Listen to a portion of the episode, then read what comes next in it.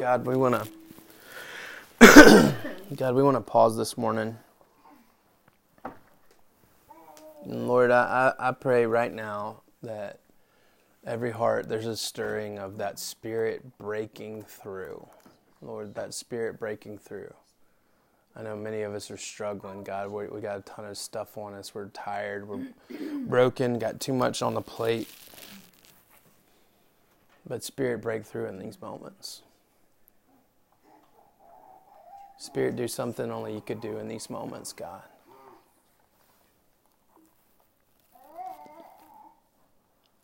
Hmm, Lord, I ask for the unique stirring of your Spirit this morning in our hearts. Refresh our spirits. Jesus, we love you. In Jesus' name, amen.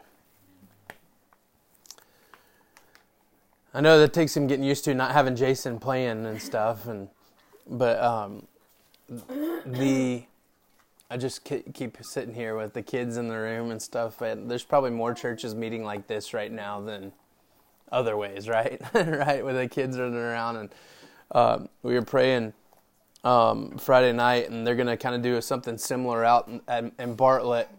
And somebody said, "Hey, when I was in Africa, this is this is what church was, right? The kids were just kind of playing as we did church, right? Um, and kids, welcome, right? Now we got to watch you while you're in here.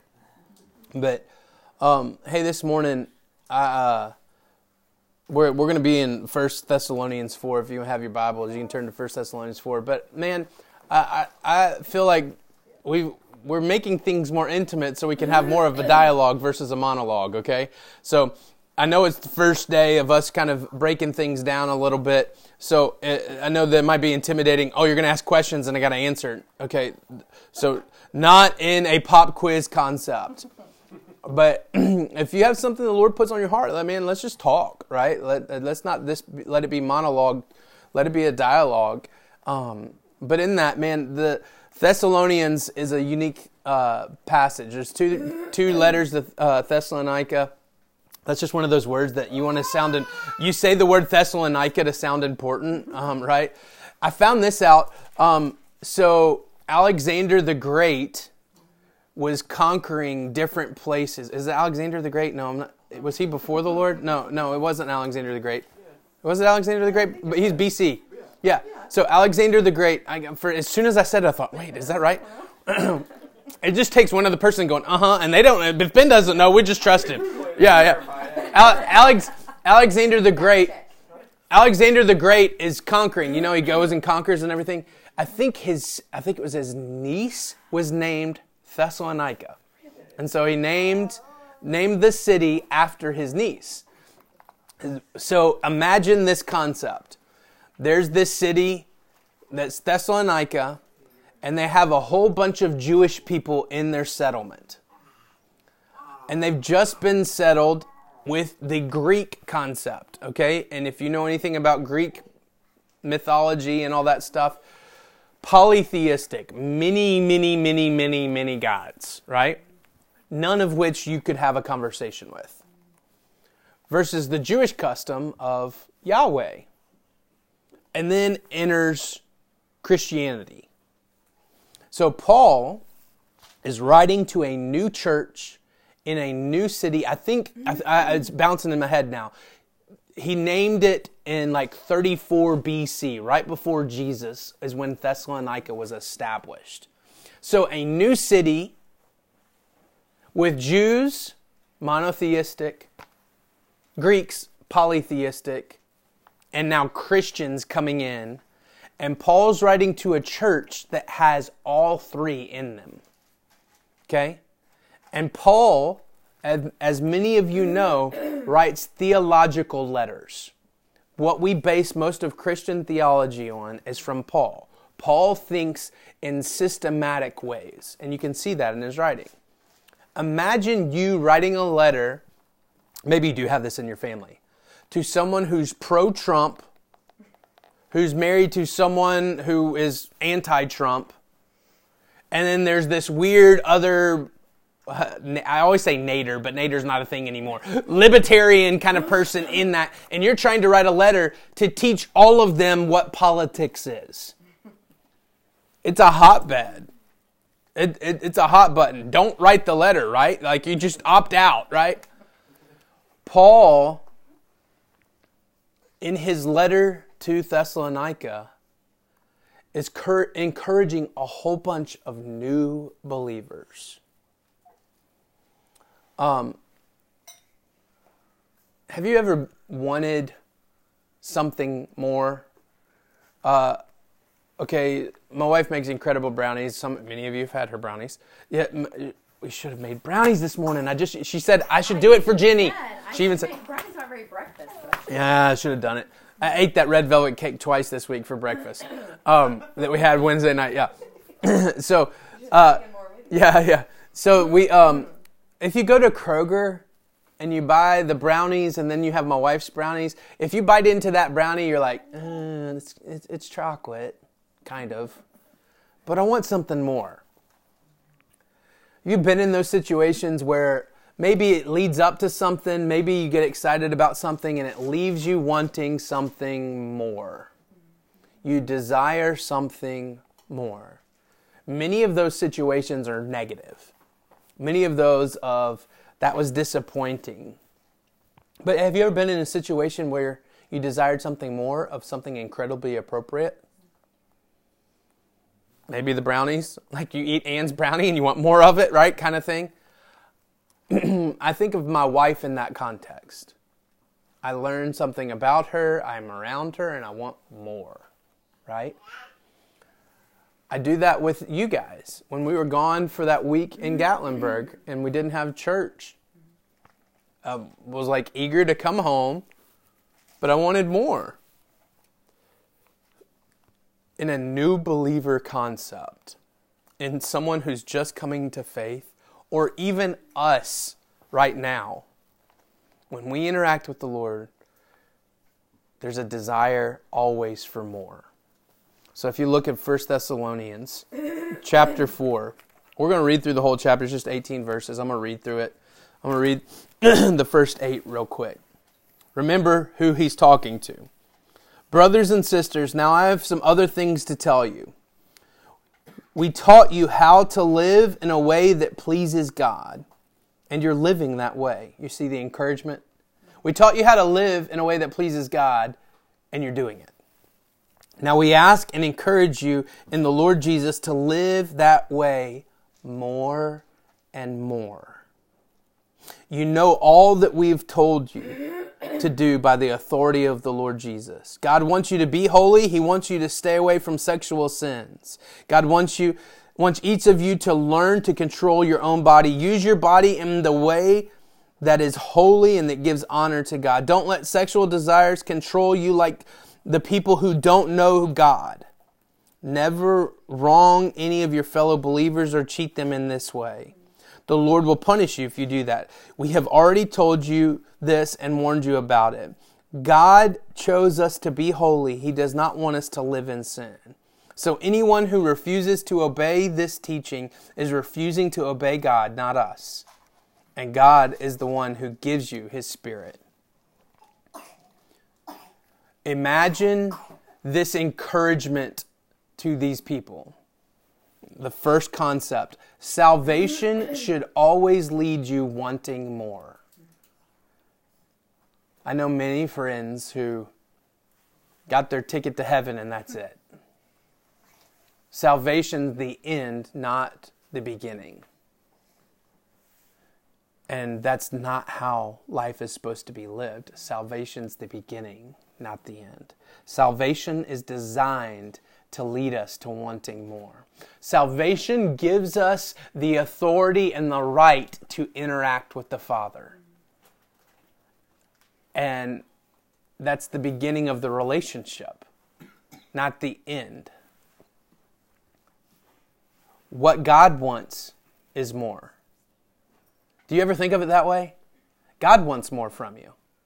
And it's not in a condemning way. I always compare it to the weird boyfriend that broke up. I've said this to you before. The weird boyfriend, the girlfriend breaks up with the boyfriend and he, he just keeps texting, he keeps calling. No, this relationship's over. The moment the girl gives him just an inkling of an idea, you're saying there's a chance. That concept, right? That just an inkling of an idea that the relationship's still there, he's satisfied. If she comes out and talks to him after he's banging on the door, no matter if she's mad or happy, she's satisfied. Don't think it in the weird, twisted way of jealousy, but our God is a healthy, holy, jealous God. And if we've been away from Him for a while and we stop, no matter the context, He just wants that little bit of interaction. And then He wants more. Do you see it? Ryan, can you relate that to like? I mean, isn't that a good way to relate that? Is is the holy and right jealousy of a husband with his wife? Right, absolutely. Yeah, yeah. So, um, uh, I use an example. we go to uh, uh, Ashley Home Store. Y'all, you see, we got we're getting new furniture. We've sold some of this on Craigslist or Facebook. Um, Philip didn't want it, so um, we gave it. We we sold some of it, and so we need a couple new chairs. And so we drove by. I hate go. Anybody hate going to the furniture store because it's that guy that's doing this, following you. You know, like he's just always in your shadow. Well, they've got this new thing that's even worse when you go in Great American Home Store. Not Great American Home Store. Ashley. Ashley um, there's a whole section that's just Serta or sleep mattresses or something like that. Well, they've got a guy literally in a costume to look like a doctor, and he's got this. It looks like he's holding a like your labs, right? Chart, and he comes up and starts explaining to me how I haven't been sleeping well. I haven't told him that I haven't been sleeping well and wasn't going to even tell him that.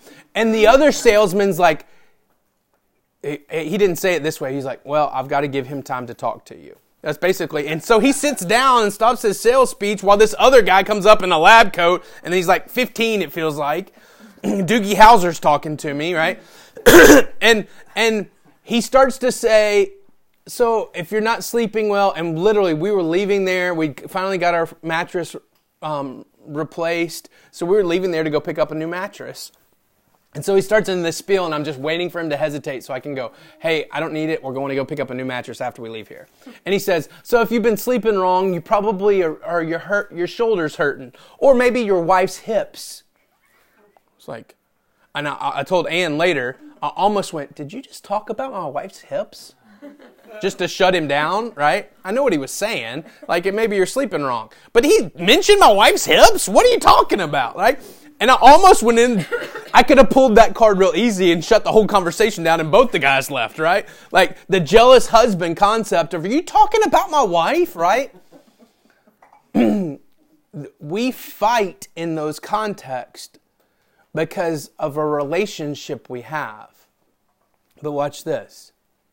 If I become jealous because someone else is talking about my wife, or even she spent time hanging out with whoever and I'm missing her, I act in an inappropriate way to get more of her. Usually. That's what human jealousy is. Imagine if it's holy, not inappropriate. It sounds crazy. Let me explain. God uses car wrecks and tragedies because He's a jealous God. That seems twisted. How many of you have had a life altering thing happen to you? And all of a sudden you went, God, I'm sorry I hadn't given you everything. I tell this to couples when we were doing reengage. God pulls the rug out from under people a lot, but He never pulls the concrete out.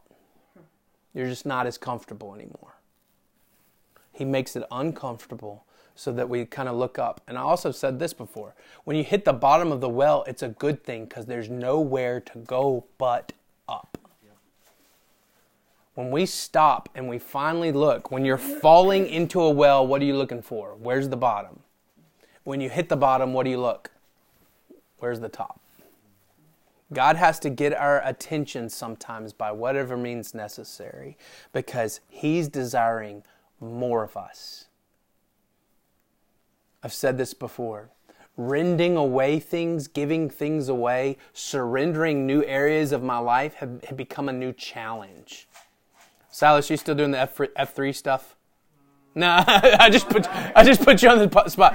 The whole F3 the whole F the whole F3 concept is challenging men so that they'll hit new goals. That's the whole F3 concept. And faith, fitness and fellowship. Going to challenge you in those three. So what time would you meet to go work out? 5:30 in the morning. Go work outside and like after 3 or 4 times, even if you're new, you're leading the next exercise the next day. It's the whole concept of putting a challenge out there so that you meet it. It's a it's a concept. I love the challenge of God, I'm going to search my soul to surrender new areas to you that challenge of searching out new things to ser- giving more away we could t- testify for the next five hours of this season that we've all walked together, but we walked where we weren't receiving a paycheck or anything like that. It's probably one of the most fruitful seasons we've ever had. What? How does that make sense? Well, when we read scripture, blessed is the one who gives, gives. I can't give enough away. Y'all, one of the best months our church has ever had was the same month that we gave incredibly amount of things away. I mean, shoot, Sade is sitting in an incredible house right now with all sorts of things that she didn't have because we've ministered to this sweet family. We can't give enough away. Give to the point of absurdity, not just financially, but everything. I want more and more, as like Paul is challenging. Live in that life even more so. Watch. Discovering God's depths starts with obeying his desires, but the only way to understand his desires is to discover him. Watch this. See the cycle. Of course, I was really worried about that being confusing, and Max walks in front of everybody as I'm saying it. So I'm going to say it again. Discovering God's depths starts with obeying His desires, but the only way to understand His desires is to discover Him.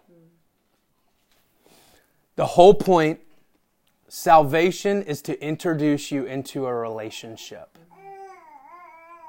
In that relationship, you find out God's desires. You start to obey God's desires, and then you find more of His desires. God is not the God who expects perfection. And we so many times think perfection is what needs to take place. And that's not at all what he's saying. He'll take whatever we give and then he's going to ask for more. Salvation gets us into the cycle of pause, belong, respond. Salvation starts that cycle. That's not the cycle. Salvation begins the cycle. When I'm in an intimate relationship with the Lord, refusal to obey Him is so much harder when I know God, when I know Him intimately, I can't I can't look at Him face to face and go, nope, too bad. If Ella or Max or any of these that are mine, look look, hey, please go take the trash out. Nope. What's going to happen, right? Well, I don't need to tell you what's going to happen, but it's it's not health. It's not a good situation when when we have an intimate relationship. Watch. Here's how we manipulate the situation. We give less and less to God because we make him far off.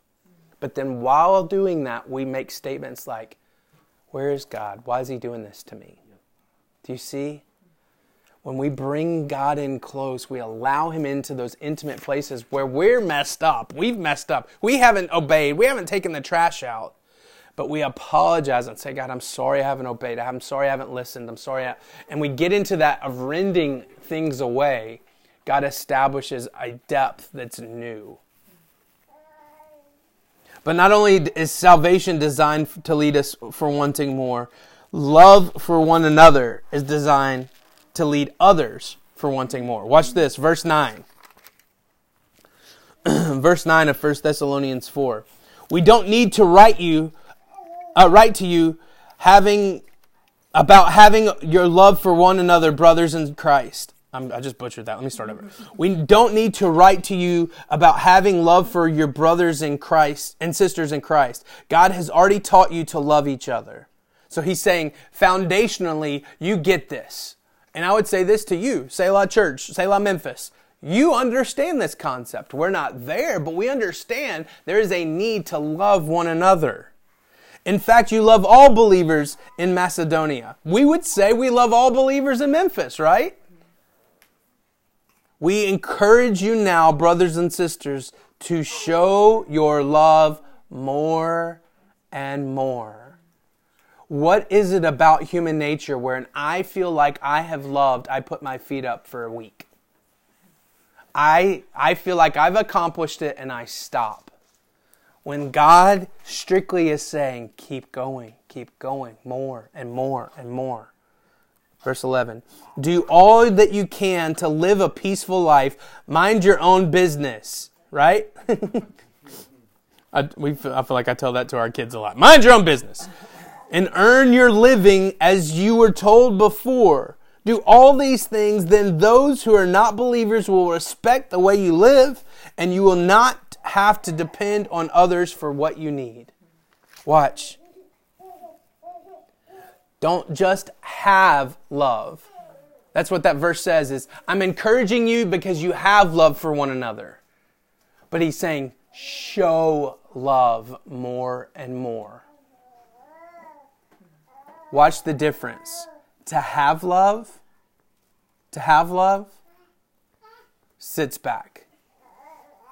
To show love moves, does. I'm going to be careful here because I don't want to offend anyone. I want to step on my own toes as I say this. In Christian culture, sometimes we have love even by giving financially. We give financially, but we never really show love. We convince ourselves, and that is an act of showing by giving financially. But when we need to get our hands dirty with something, when we need to get in one another's life, hey, humans are messy. We're all messy. And ministry is about stepping in it with one another. That's what ministry is. When Jesus came to the planet perfection onto earthly soil, he chose to step in it. And our calling with one another is to step in it with one another. When life gets messy, we should be there with one another. But watch, to love one another by showing it versus having love. If I never expressed my love to my wife, we'd have a really horrible marriage. No, I have love for her. Do I express my love for her? Do you see the difference? And then if that expression is the same, we're, we're about to celebrate 15 years. If that expression is the same as it was 15 years ago, I got an issue. More and more and more. Do you see? There's a growth concept in love. That's why we say Sundays are secondary. Don't let this be the only day. Let there be interaction throughout the week. If it's just through a GroupMe, if it's, I know the GroupMe drives everybody crazy sometimes. If, it's just through a GroupMe, or following up with one another, checking in on one another, praying for one another. I joked the other night when we on Wednesday night. I hate it. And it's critical spirit, flesh Ryan, not Pastor Ryan, right? Flesh Ryan. Uh, I hate it when someone posts on Facebook, "Will you pray for me, please?" Because we're and it's just like, just announce whatever you're wanting to announce and stop saying you want us to pray for you. Like it feels like I, we just want to announce that we're moving. So will you pray for it? Like it feels like this hidden veiled prayer thing. And then last week I saw this and there's this, a friend of ours who's moving to Delaware to go ministry. Please pray for us. And then this like long paragraph about going to do ministry. It's like, just tell us you want to go to ministry. And then the next day I'm out working on the tree house and I, that reminder came to my head and I started praying for him. I was like, Dad gummit, Facebook worked. It did, it did what it was supposed to do, right? It brought that prayer concept. I haven't talked to this guy and I hadn't even talked to him probably in two years, but I saw him on Facebook. There is a spiritual connection to show love as well. I can express love for each and every one of you. And just being honest, I do. That's not super Christian. I pray for you often by name. And I, was telling David this past week, when I started doing that, it was like every other kind of day. And now it's like multiple times in the day, the Lord has me praying for you. And like in that concept of letting love break out and cover the earth, we will not be satisfied with where love is. If love's just two houses down, I want it to go three. What Scripture is telling us here is desire more. There should be something more. Watch how this equation plays. It's really important that we all see this.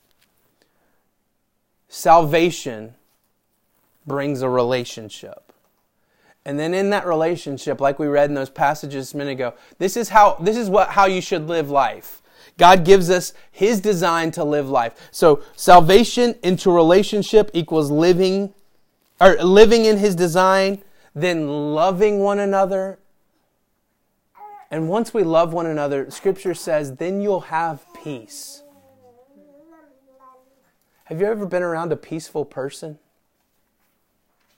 What did it do to you? It brought peace to you. Maybe it's the most infectious thing there is. I don't know what infectious, maybe the flu, I guess, or common cold is maybe the most infectious thing, right? As I say that, we're all like around each other, right? Um, but whatever, what's the most infectious thing that could be? What if it was peace and we don't realize it? Peace, I feel your peace. When you're around me and I'm around you and you've had peace set down in your spirit, I can feel it. I pray that over myself on Sunday mornings. Lord, let us be a house of peace. When you come in this place, if you feel it's chaotic, I'm sorry. Our desire is for it to be peace. Refreshing, right? Easy like Sunday morning. I used to think that's the dirtiest song ever because I've never had an easy Sunday morning. But now, sitting in our living room. Now it's a little early and it was a little frantic getting you guys at nine o'clock and all that stuff. We didn't have to drive like everybody else did, but peace is something that is very communal. And watch, when you're around, especially in today's culture, someone who doesn't have peace, when they're around you, what happens? Conversations about peace. And ultimately, salvation takes place. Do you see the cyclical thing? Salvation into relationship, into living God's design, loving one another's peacemakers equals salvation for others. And then they enter the relationship, they learn how to live. There's a discipleship concept that's all focused around love. When we love one another, it establishes something in the heavenlies. But then there's something else, something greater. Something more that we are seeking is found only in eternity. I love this. After Paul writes these words and challenges, in verse 15, he kind of completely shifts. You with me? Completely shifts. He's talking about how to live life, how to love one another. He's encouraging how they're doing things. And then it's this moment, and it's a Jesus moment. Watch. Verse 15. What we tell you now is the Lord's own message. Not what he's just said. He's saying, This is coming straight from Jesus' heartbeat, what I'm about to say to you. Those of us who are still living when the Lord comes again will join him, but not before those who have already died. There's lots of questions because of the polytheistic and the monotheistic. What's happening to all these people who are dying now that they're Christians? And he's saying, They've already gone to be with the Lord. Verse 16 The Lord himself will come down from heaven with a loud command, with the voice of the archangel, with the trumpet call of God. And the people who have died, who were in Christ, will rise first. After that, we who are still alive at that time will be gathered up with those who have died and will be taken up into the clouds to meet the Lord in the air. And we will be with the Lord forever. So encourage each other with these words. They're, are they about to wrestle or they're playing? All right. I got 50 on Jordan. Watch. He takes all these things, keep desiring more, keep desiring more, and the concept of when you get more, when you get more, when you get more, will it be accomplished? And he establishes, no, Look, we're going to have eternity to have more with the Lord. There's a more that none of us know. Church, if you could hear this, please hear this. There is a more beyond anything we can imagine. It's only found in heaven. And if we live life on earth with that concept, we become peacemakers. It's not vain exercise to hear, here to live life how God intended it. It's because of Jesus. Watch. Jesus is our salvation. Jesus is the access for the relationship. Jesus lives out the Father design so that we know how to live. Jesus modeled love for one another. And then Jesus is the Prince of Peace.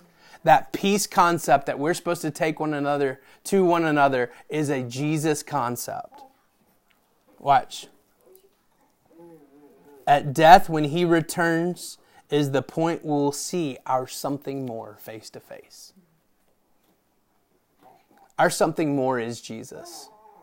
Our something more that we desire is to sit with Him. When I desire more love, I get it when I sit with Him. It's accomplished in heaven, it's accomplished face to face with Jesus. Life here on earth is good because Jesus, but eternity with Jesus is best. Life here on earth can be good. So many times we pray, Lord, life sucks right now. Life's not okay. It's life's too hard. But life can be good with Jesus, but it still leaves us wanting something more. In heaven, we see our something more face to face, and that's the best. To direct your attention, and kids, y'all hear me too. My kids, y'all listen. Watch. There is nothing more than Jesus. When you want something more, when you want even more of something, you can always compare it to Jesus. And Jesus, we find something more. It's Ann's brownie versus the Kroger brownie. But it's Anne's brownie for all eternity in my mouth. Think about it. It's Anne's brownie without the calories, right? It's it, it, it's it's the the sweet aroma that stays and lingers forever. Because of who Jesus is. He's the epitome of peace, he's the epitome of love. He is the salvation for us. We find something more in him. Let's pray. God, we love you.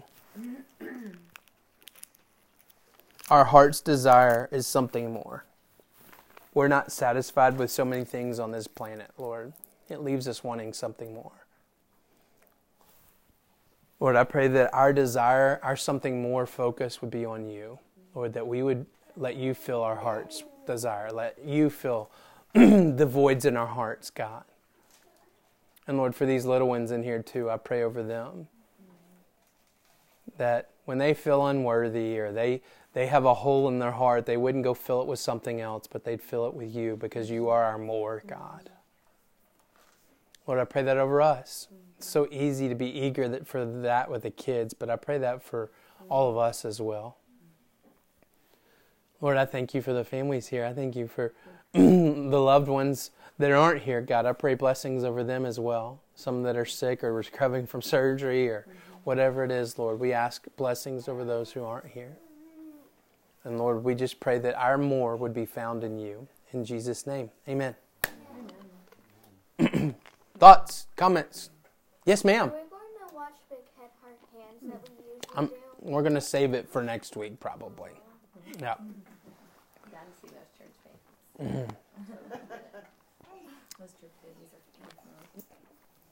What else? Thoughts?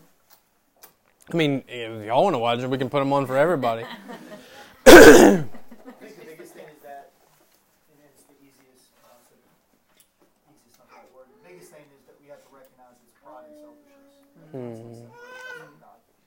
I think